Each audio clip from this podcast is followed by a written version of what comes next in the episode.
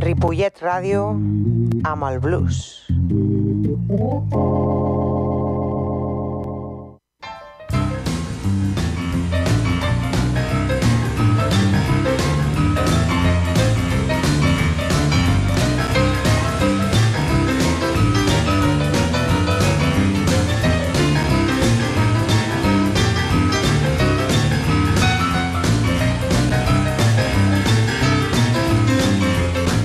Molt bona tarda, benvinguts. Això és Blues Barrel House. Transmitint en directe des del 91.3 de la freqüència modulada. El meu nom és David Giorcelli, com sempre, tot un plaer. I al so tenim el senyor Jordi Puy.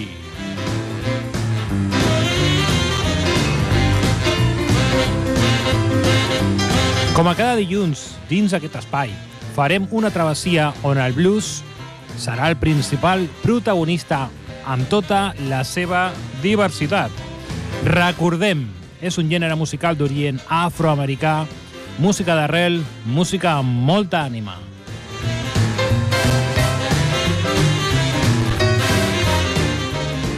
Bé, i avui al fil conductor eh, farem un repàs de, de la figura del crooner, aquests grans cantants que n'hi havia en l'època del jazz més efervescent. Anem a escoltar algun d'ells.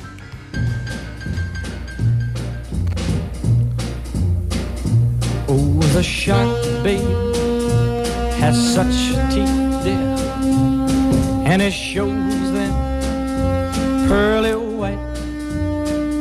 Just a jackknife has old Maggie babe, and it keeps it uh, out of sight. You know when that shark bites with its teeth.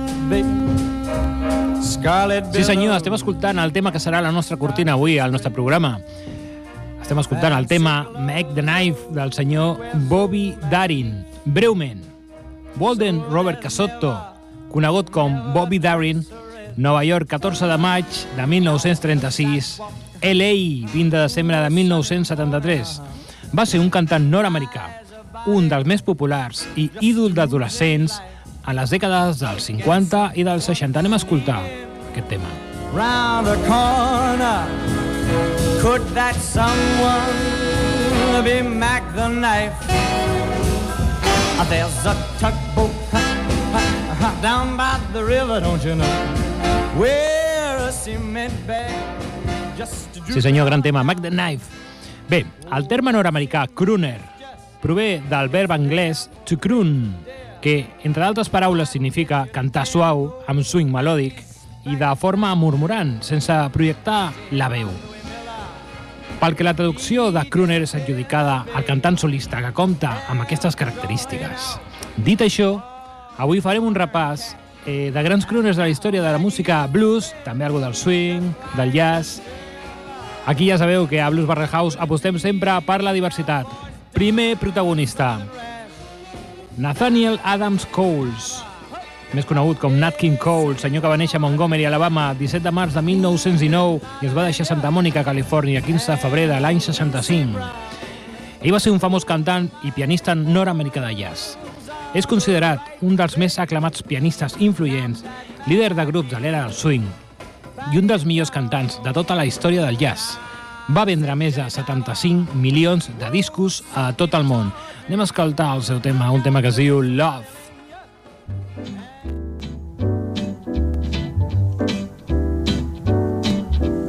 L is for the way you look at me.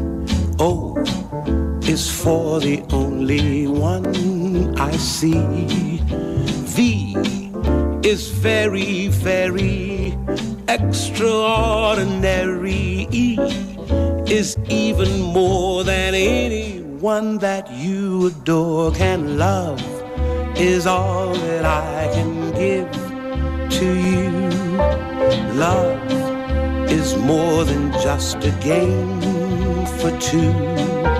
Two in love can make it. Take my heart and please don't break it. Love was made for me and you.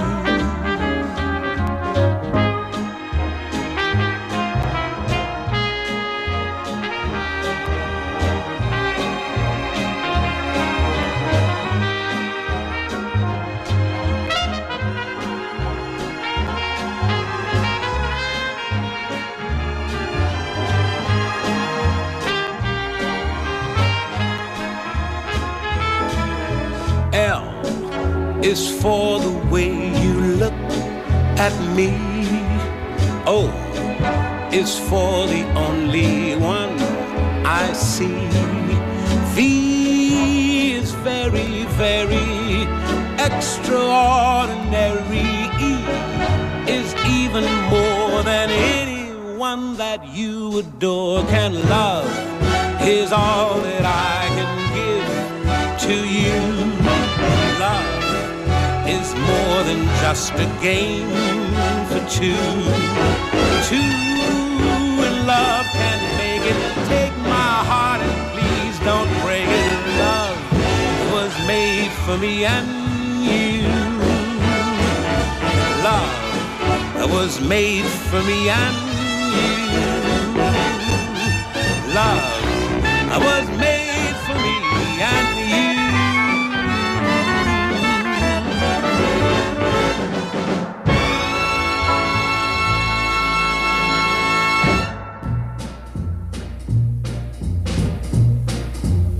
Sí senyor, molt gran, el gran Nat King Cole.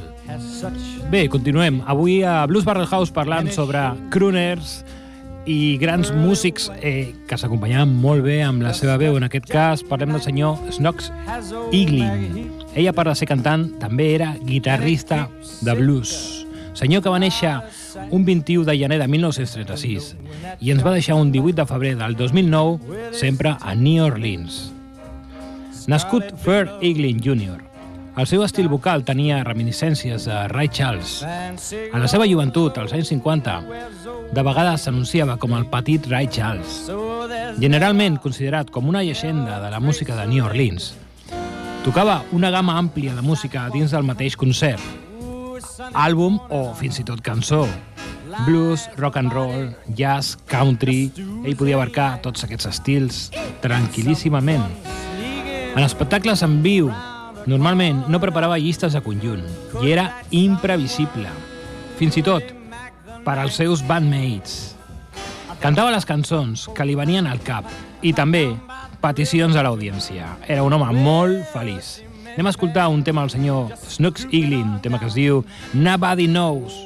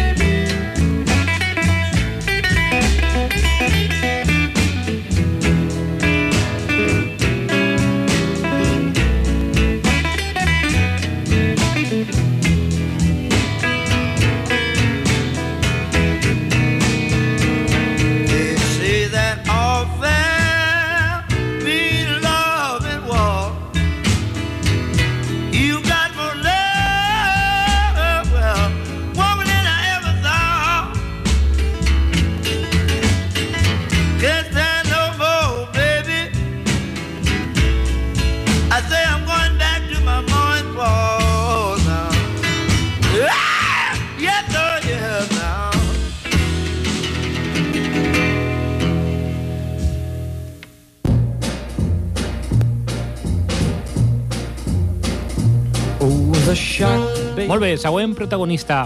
Si parlem de crooners, no podem deixar, per mi, eh, dels grans crooners, la principal figura que eh, desenvolupar, desenvoluparia aquest estil. Estem parlant del senyor Big Joe Turner.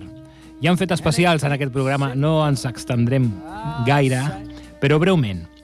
Senyor, que el seu veritable nom era Joseph Vernon Turner Jr., més conegut com Big Joe Turner. Nascut a Kansas City el 18 de maig de 1911 i ens va deixar a Englewood, 24 de novembre de 1985. Va ser un cantant de blues i pioner del rock and roll nord-americà. La seva carrera comença a principis dels anys 30, dins de la influència del jazz de Kansas, per evolucionar amb el boogie-boogie a la fi d'aquesta dècada a New York. Als anys 50 arribaria la seva major fama amb els primers enregistraments de rock and roll, destacant el seu tema Shake, Run and Roll. Anem a escoltar un tema directament del senyor Big Joe Turner que es diu Time After Time.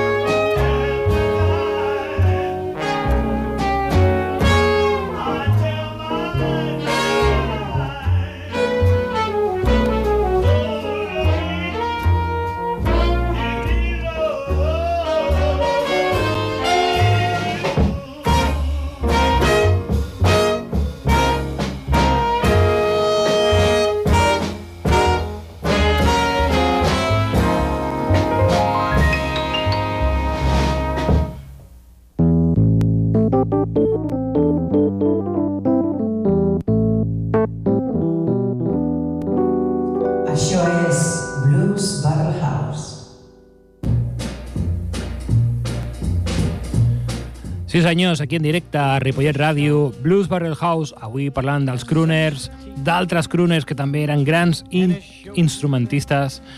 Recordeu, la cultura és segura, senyors. La cultura és feina, la cultura és trabajo, així que recolzem, si plau, la, la necessitem eh, més que mai i els que som artistes necessitem omplir l'ànima i també la butxaca. Bé, següent protagonista. Gatemouth Moore. Arnold Dwight Gatemouth Moore. Nascut un 8 de, 8 de novembre de 1913 a Topeka, Kansas, i ens va deixar un 19 de maig del 2004 a Yazoo City, Mississippi. Ell va ser un cantant, compositor, disjockey de ràdio, líder de la comunitat i pastor nord-americà de blues i gospel, conegut posteriorment com a reverend Gatemouth Moore. Durant la seva carrera com a artista discogràfic, Moore va treballar amb Benny Moten, Tommy Douglas i Walter Barnes, i les seves cançons van ser enregistrades per B.B. King i Rufus Thomas. Anem a escoltar un tema del senyor Gatemouth Moore que es diu Did You Ever Love a Woman?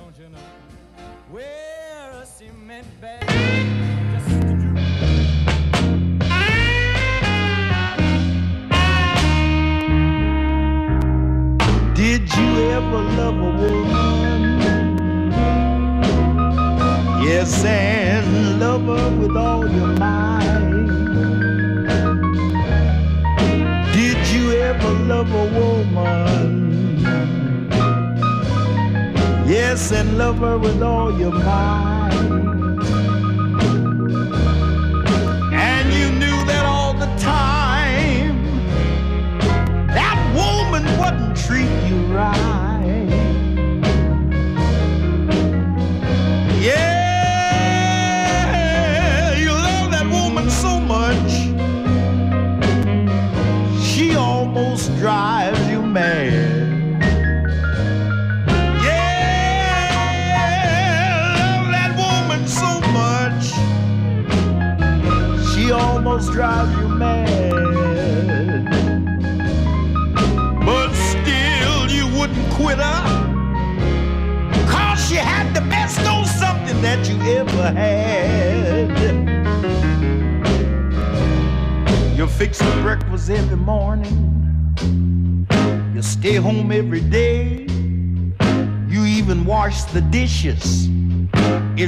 Has to go away.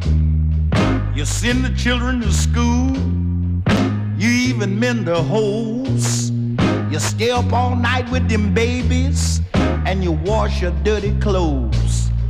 But when it's time to go to bed, that woman grabs you real tight, takes you in her arms, and then squeezes you with all her might. Calls you a lot of sweet names, and then you turn out all the lights. That woman set you so on fire, you tell her, baby,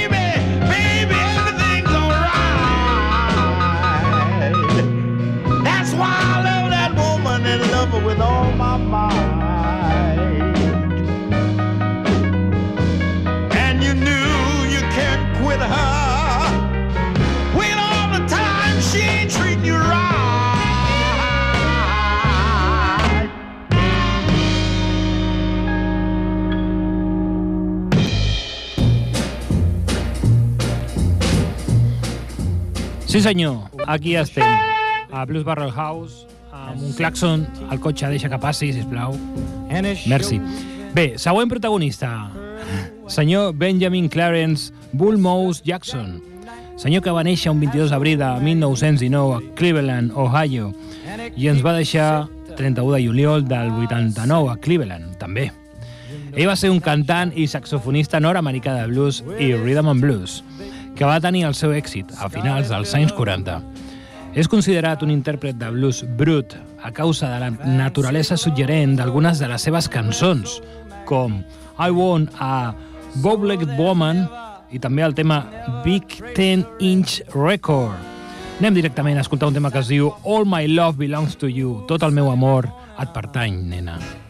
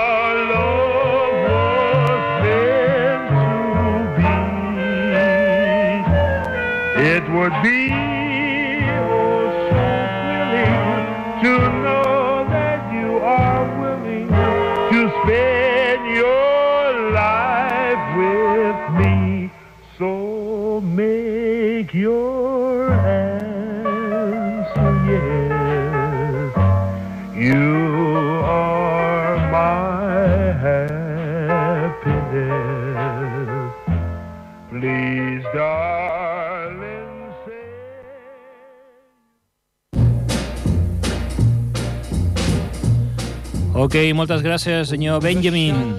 All my love belongs to you. Quina cançó més bonica. Bé, i ara parlarem d'un dels més grans. De fet, ja vam fer un especial aquí a Blues Barrel House, però és inevitable, tornar a mencionar-ho. Estem parlant del gran Ray Charles. Ray Charles Robinson, senyor que va néixer a Albany, Georgia, 23 de setembre del 1930 i ens va deixar a Beverly Hills, Califòrnia, 10 de juny del 2004. Ell va ser un cantant i pianista nord-americà de soul i rhythm and blues. Entre els seus amics i músics, ell preferia que li diguessin Brother Ray. Era freqüentment referit com el geni també. Charles va començar a perdre la visió a l'edat de 5 anys i al 7 ja era totalment sec. Segurament, o el més probable és que sigués per un glaucoma, encara que no està confirmat 100%. Ell va ser pioner de la música soul durant els anys 50, per la combinació del blues, rhythm and blues i l'estil gospel dins de la música que va gravar pel celler Atlantic. Va contribuir a la integració de la música country, rhythm and blues i música pop durant els anys 60, amb el seu gran èxit a ABC Records. Notable amb els seus dos àlbums de so modern. Anem directament a escoltar un tema, però en mayúscul, un tema que es diu You Are My Sunshine. The other night as I lay sleeping. Oh, I dream I held you, held you in my arms.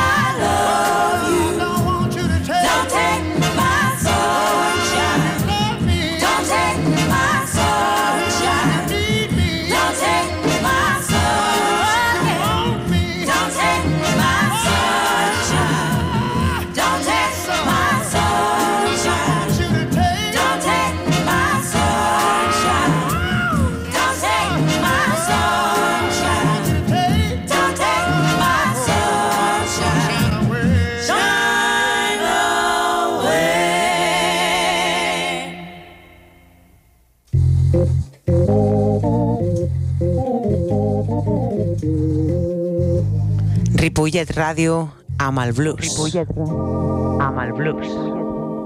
Amb el blues.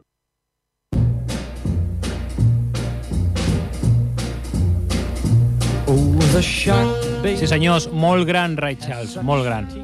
Aquí estem, a Ripollet Ràdio. Eh, M'agradaria enviar una salutació al meu amic Xavier. Quan venia caminant cap a la ràdio me l'he trobat, ell treballa al carrer, aquí a la Rambla Sant Jordi, i m'ha dit, avui escoltaré el teu programa amb el nou Samsung S21 que m'he comprat, que sona capeta. I també saludaré a l'Esther Wax, que segurament estarà dibuixant un quadre mentre escolta el programa, així que molt petons per tothom. Continuem. Següent protagonista. Senyor Jimmy Witherspoon. Senyor que va néixer a Gordon un 8 d'agost de 1920 i es va deixar a L.A., Los Angeles, 18 de setembre de 1997. Ell va ser un cantant nord-americà de blues. El seu estil avantguardista i els seus arranjaments i produccions el van convertir en un artista genuí en la seva època. Witherspoon va realitzar els seus primers treballs amb la banda del senyor Jay McShann l'any 1945. De Jay McShann també vam fer un especial aquí a Blues Barrel House amb el company Francesc Barnes, que suposo que aviat estarà per aquí també fent un especial. Continuem. L'any 1949 49, va registrar sota el seu propi nom i amb la McShann Band un- gran èxit de nom Ain't Nobody Business, una cançó que va arribar a ser considerada com la seva pròpia sintonia. Bé, no anem a escoltar el tema Ain't Nobody Business. Anem a escoltar del senyor Jimmy Witherspoon Don't Tell Me Now. Don't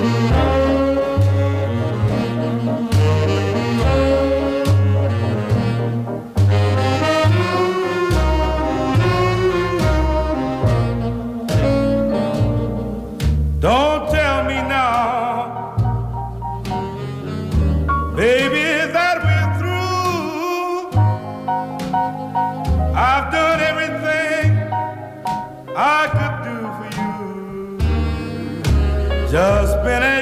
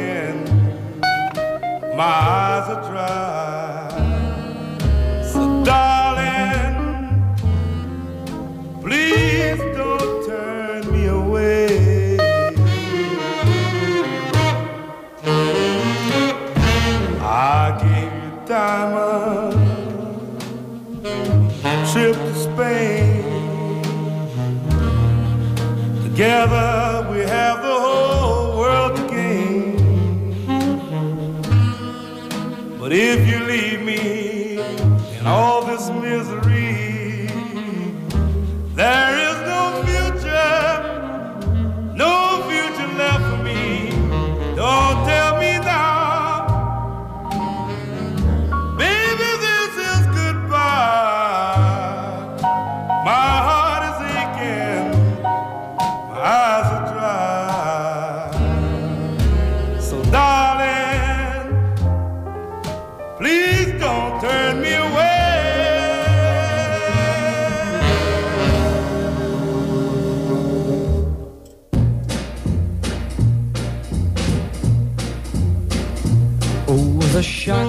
Sí senyor, següent protagonista, també un dels grans, per mi una de les veus més, més característiques de, de lo que és la figura del crooner, senyor Percy Mayfield, senyor que va néixer un 12 d'agost de 1920 a Minden, Louisiana, i ens va deixar un 11 d'agost de 1984 a LA, Califòrnia. déu nhi LA.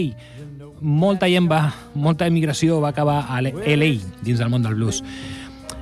Senyor Percy Mayfield va ser un cantant i compositor nord-americà, conegut especialment per les cançons Hit the Road Jack, que més tard seria un gran èxit per Ray Charles, i el tema Please Send Me Someone to Love, que després l'escoltarem, així com pel seu personal estil vocal dins del rhythm and blues. Mayfield va néixer a Minden, Louisiana, capital de la parròquia de Webster, al nord-est de l'estat. D'adolescent, va desenvolupar va desenvolupar un gran talent per la poesia. De fet, li deien The Poet, el poeta, que més tard explotaria en la seva faceta de cantant i compositor. Ell va començar la seva carrera musical a Texas i poc després, l'any 1942, es va traslladar a Los Angeles, com no. L'èxit li va arribar l'any 1947, quan va signar amb el petit celler discogràfic Swing Time, on va gravar el tema Two Years of Torture. El disc va tenir un bon nivell de vendes, que es va perllorgar durant un parell d'anys, el que va atreure, o sigui, que va fer que atragués l'atenció del senyor Art Rupe, que el va contractar per la seva discogràfica Speciality Records l'any 1950. I a l'any 1950 va ser quan va gravar el tema eh, Please Send Me Someone to Love, que ve a dir eh, sisplau, envia'm algú per poder estimar. Anem a escoltar-lo.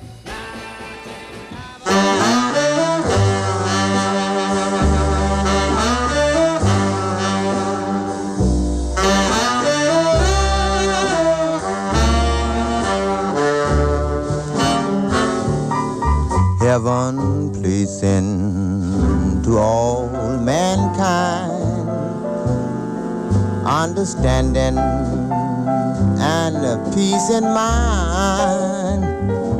But if it's not asking too much, please send me someone to love, someone to love. Show the world how get along. Peace will enter when the hate is gone.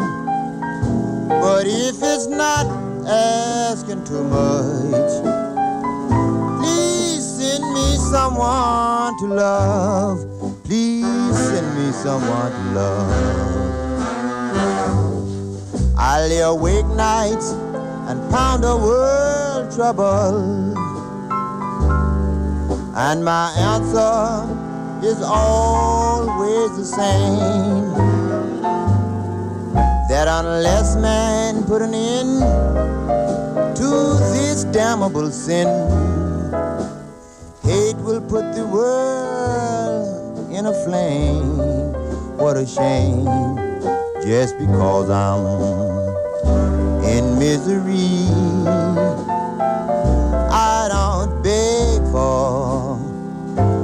Sympathy.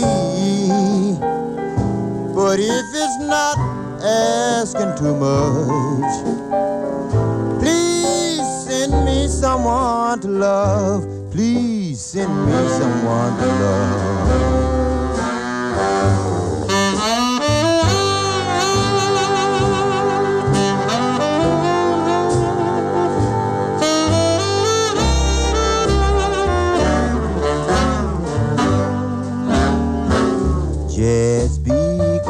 Down in misery.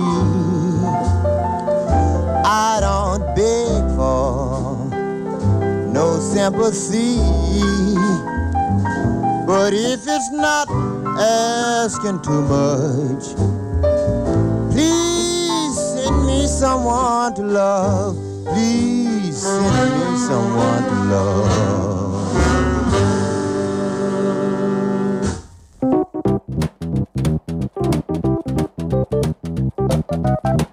Espai dirigit per David Giorgelli.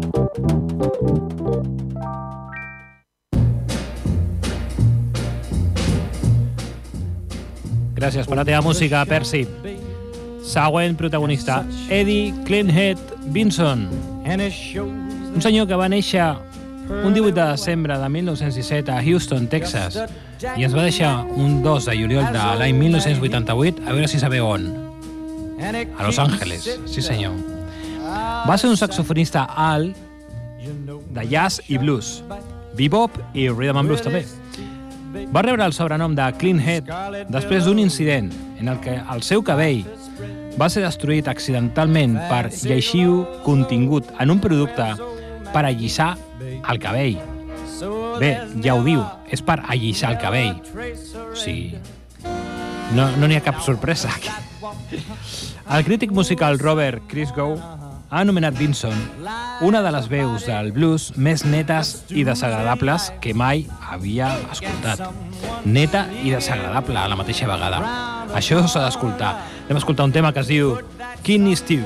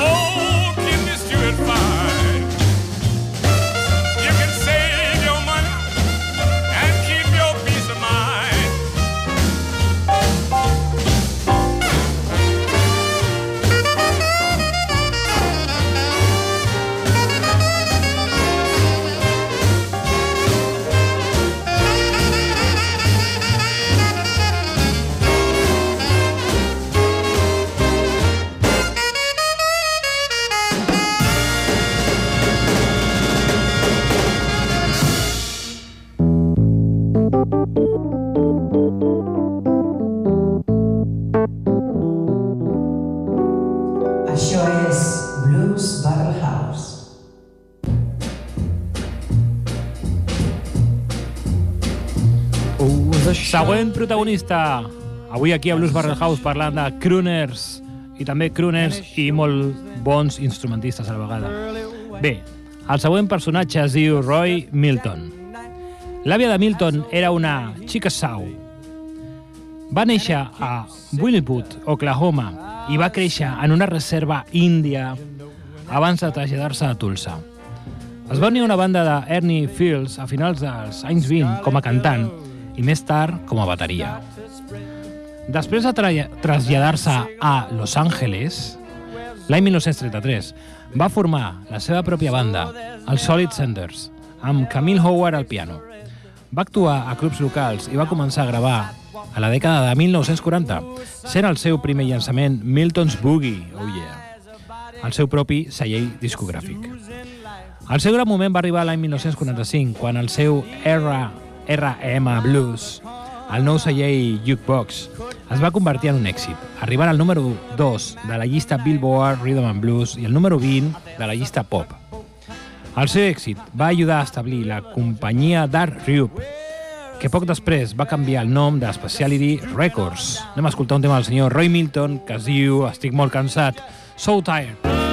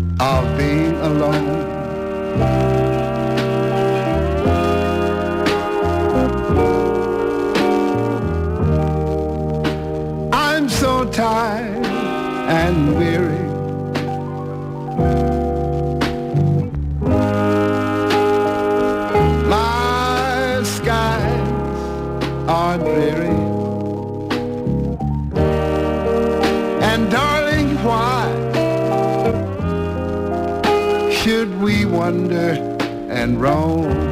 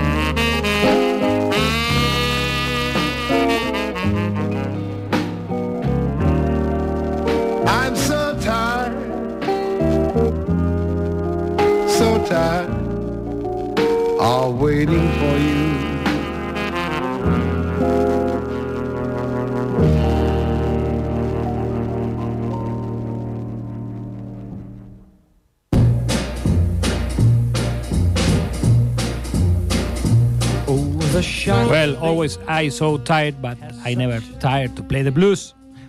Ok, entrem en la recta final. Eh, següent protagonista, senyor Nappy Brown. El seu veritable nom era Napoleon Brown Godson Culp, senyor que va néixer un 12 d'octubre de l'any 1929 i ens va deixar un 20 de setembre del 2008, sempre a Charlotte, Carolina. Més conegut pel seu nom artístic, Nappy Brown. Ell va ser un cantant nord-americà de rhythm and blues.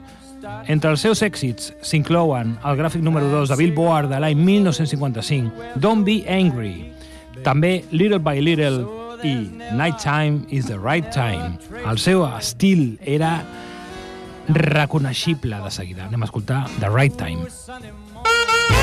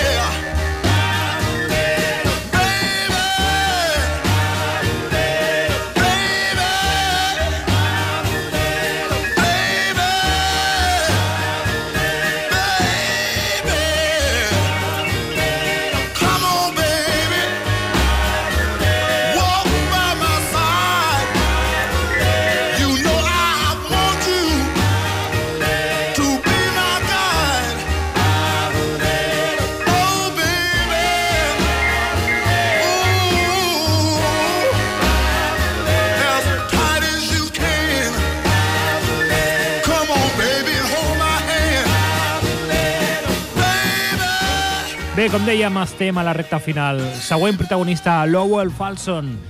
Certament avui parlàvem de crooners, però també de crooners i bons instrumentistes. En aquest cas, un gran guitarrista, també. Senyor Lowell Falson, que va néixer un 31 de març de l'any 21 a Tulsa, Oklahoma, i ens va deixar un 6 de març del 99 a Long Beach, Califòrnia. Ell va ser un compositor i guitarrista de blues, especialment del West Coast Blues. De l'estil, és considerat, juntament amb T-Bone Walker, un dels pioners. Nascut a Tulsa, com dèiem, amb 18 anys d'edat, va tocar breument en una banda liderada per Elger Texas Alexander, abans de traslladar-se a Califòrnia. Després de realitzar el servei militar, va tenir un èxit de vendes amb Three O'Clock Blues de l'any 1948. Ja en la dècada dels 50, va liderar una banda que incloïa a Ray Charles i Stanley Tarrantine, i una altra banda amb David Fathead Newman. Anem a escoltar un tema del senyor Lowell Falson que es diu Loving You.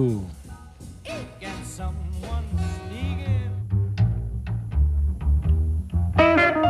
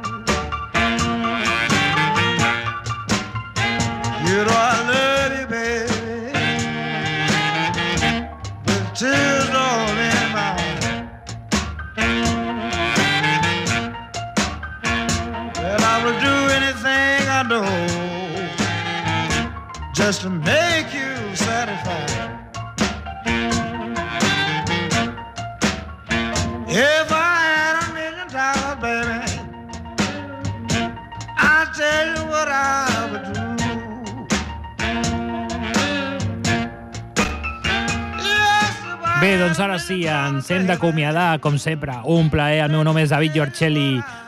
Moltes gràcies, eh, Jordi Puy. Això és un aprenentatge constant, bona música, bons músics, bons artistes. Ens sentim el proper dilluns, però abans de marxar parlarem del senyor que, que definitivament ens acomiadarà. Ell és considerat un dels més grans cantants de la història de la música americana i un artista seminal en la música soul del rhythm and blues. El seu estil de cant procedia de la música gospel, el precedent del seu gènere musical. El seu estil de cant va influir en molts altres cantants de soul dels anys 60. Durant la seva vida, els seus enregistraments van ser produïts per Stax Records, establert a Memphis, Tennessee. Anem a escoltar del senyor Otis Reading, My Girl.